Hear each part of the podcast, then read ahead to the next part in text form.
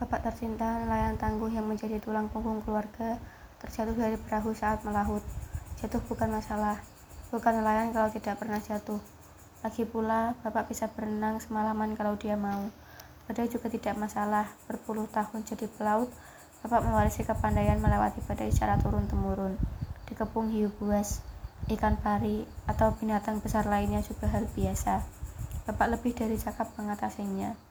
Adalah ubur-ubur, makhluk transparan dan kecil, lebih lembut daripada agar-agar. Itulah pelakunya.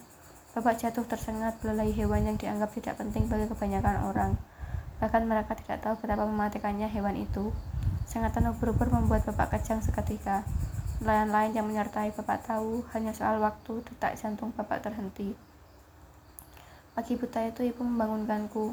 Kami sedang menumpang sepitak tua ditemani Cik Tulani dan Koh Acong bergegas menyeberangi sungai Kapuas. Lalu memaksa sopir omprengan pengangkut sayur mengantar kami menuju RSUD Pontianak. Kami berlari-lari kecil memasuki rumah sakit. Lorong rumah sakit lengang, menyisakan perawat yang menguap